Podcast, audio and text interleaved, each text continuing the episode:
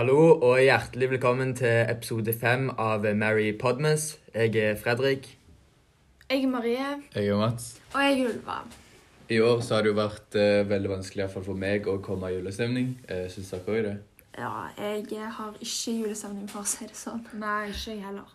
Nei, Ikke jeg heller til nå, iallfall, men eh, kanskje jeg får det snart. Ja, Så da har vi da prøvd å sitte på serien Hjem til jul for å få den julestemninga.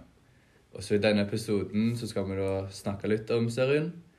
Og så skal vi ha litt ekstra fokus på symbolikk i spesielt episode fem. Ja, I serien Hjem til jul så møter vi Johanne, som da er hovedpersonen, og eh, en stor familie som er samla rundt julebordet. Em, og for det meste så går praten da i kjærester og barn og sånn. Men for Johanne, som er 30 år og singel, så er ikke dette her alltid like lett.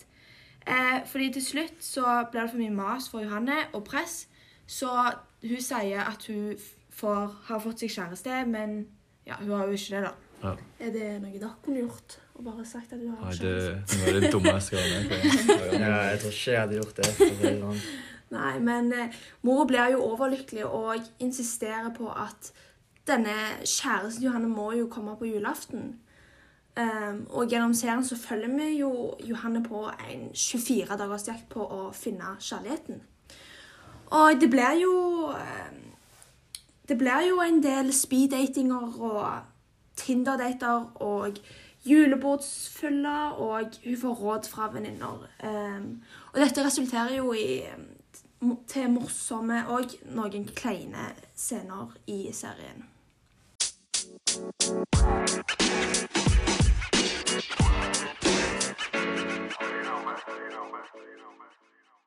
Noe jeg la veldig merke til da når det gjelder symbolikk, er da julelyset til han pappa Thor.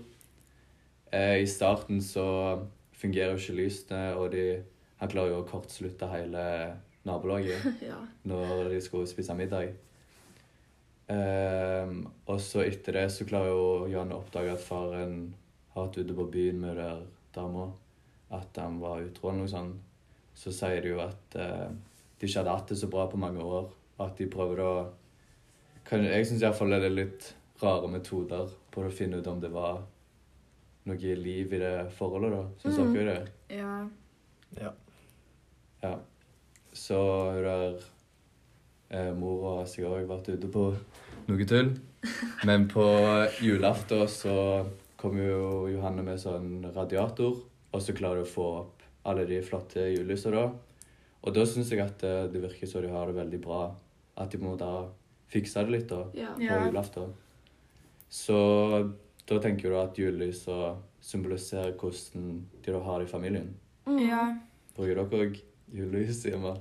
um, vi har ikke pleid det, men i år så har vi hengt eh, julelys rundt terrassen. Og jeg syns det er veldig koselig. Med masse farger og sånn. Nei, det er de, Ikke med heller. de er bare hvite. Helt hvite. Ja, det er jeg ikke har noe fargelys. eh, Vi har ikke så mye, bare litt sånn rundt omkring utenfor huset. Nei, men jeg tenker da med de lysene og egentlig med alt. Fordi at hun venninna til Johanne er jo òg utro mot sin eh, mann, som hun har barn med. Ja. Um, og dette her, det med at du sier at eh, de ser glade ut på julaften, det er fordi jeg tror at eh, Johanne på en måte får vite at alt er ikke så perfekt som det ser ut som. Nei. Liksom. Fordi at både foreldrene og hun venninna til Johanne har jo fått alt til å se ut som alt er perfekt, og det er Johanne så, så ikke At det er hun som må forandre på livet sitt. Hun, hun, hun er ikke perfekt. Hun må finne seg en kjæreste, hun må få barn. Men eh, det viser seg jo at eh, alle Det er ingen som er perfekte. Mm.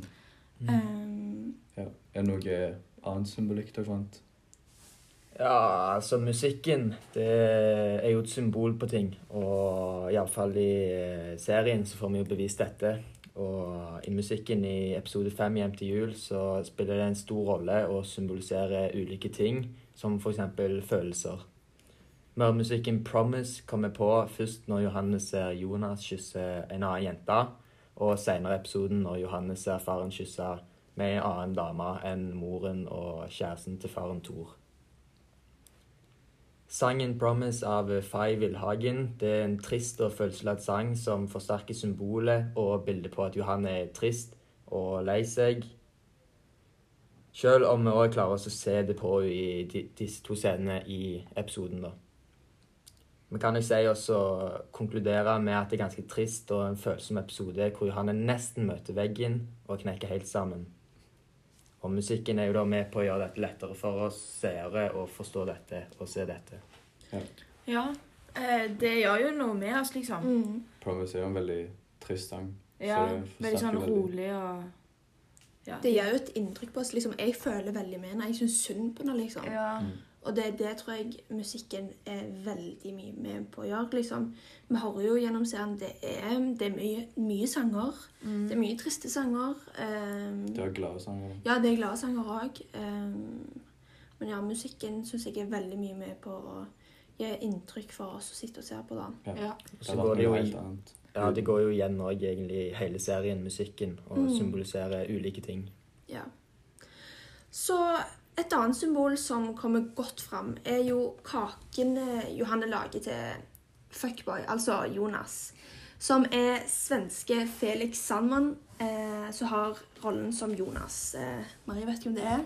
ja. crusher litt på han. Du crusher litt for han, ja. Nei, eh, altså Når Johanne er ferdig med vakten sin på sykehuset, så har hun fått med seg at Jonas har bursdag. Og da oppfordrer venninna hennes og kollega Inga, som òg er svensk, eh, at hun burde lage en kjærlighetstårte til Jonas, eh, som da er en svensk eh, kake. Eh, og at hun oppfordrer henne til å lage en hjerteforma. Eh, på en måte for å vise sin kjærlighet og for å gjøre opp for at når hun sov hos han, så bakte han brød til henne. Og da drar hun hjem og baker kaker med, med Jørgen. Og eh, denne bursdagen er på klubben som Johanne og Jonas møttes for, for første gang. Eh, men når hun kommer med hjertekaka i hånda si, så ser hun at Jonas står og kysser med noen andre. Og Jonas merker jo at han står og ser på henne, eh, eller at hun står og ser på han, så hun, han går bort til henne, men hun går jo da.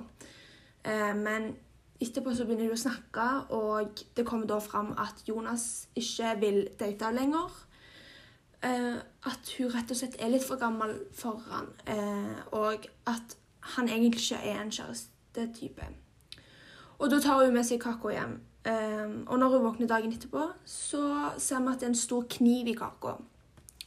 Og det er det jeg tror er et symbol på kjærlighetssorg. Eh, altså hjertesorg. At du har blitt dumpa. Eh, for eh, det er jo akkurat som å Det er jo mange som sier at eh, når du blir dumpa eller slår opp med kjæresten din, så er det som å få en kniv i hjertet. Eh, ja. Så er det jo ekstra leit for Johanne når det skjer på den måten. Ja, At ja, du ja. ser Mm. at han, han kysser med noen andre enn hun da. Jeg syns på en måte det var den sterkeste scenen. Mm. Ja. Fordi du ser jo at du er veldig lei seg etterpå. Når, Mm. Når de står og snakker etterpå. Og mye følelser involvert Mm. akkurat i den scenen. Og det var liksom den daten med han som gikk best av alle de datene vi har Ja, liksom Ja. sett at med. faktisk, Ja. faktisk likte han. Ja. Han dro han litt langt før han eh, gikk fra, Mm. liksom. Og det- Eller sa til henne at Derfor tror jeg det er stakkars inntrykk på oss seere òg. Fordi vi, jeg vil i hvert fall at du skal liksom få seg en kjæreste. Ja, ja. Mm. At du skal liksom ha det bra. Jeg har vært gjennom mye. Ja, liksom. Og når det har gått så bra med han, og plutselig så er det over, så blir du jo Altså, jeg blir lei meg for hun, liksom. Ja, I hvert fall når hun ser han Ja, ja, ja. kysse med noen andre. Mm. Mm. Jeg er helt enig. Det er jo ikke liksom det hun forventer. Nei. Men òg, han heter jo Fuckboy på Ja. Og han, han er 19 år. Ja, burde Ja, Og hun er det. 30, liksom. Ja, hun burde forvente det. Det burde hun. Det er stor aldersforskjell der, så det er, ikke, Ja. det er kanskje ikke så optimalt akkurat. Men det er nå ganske leit for henne. da. ja. Det, det er det.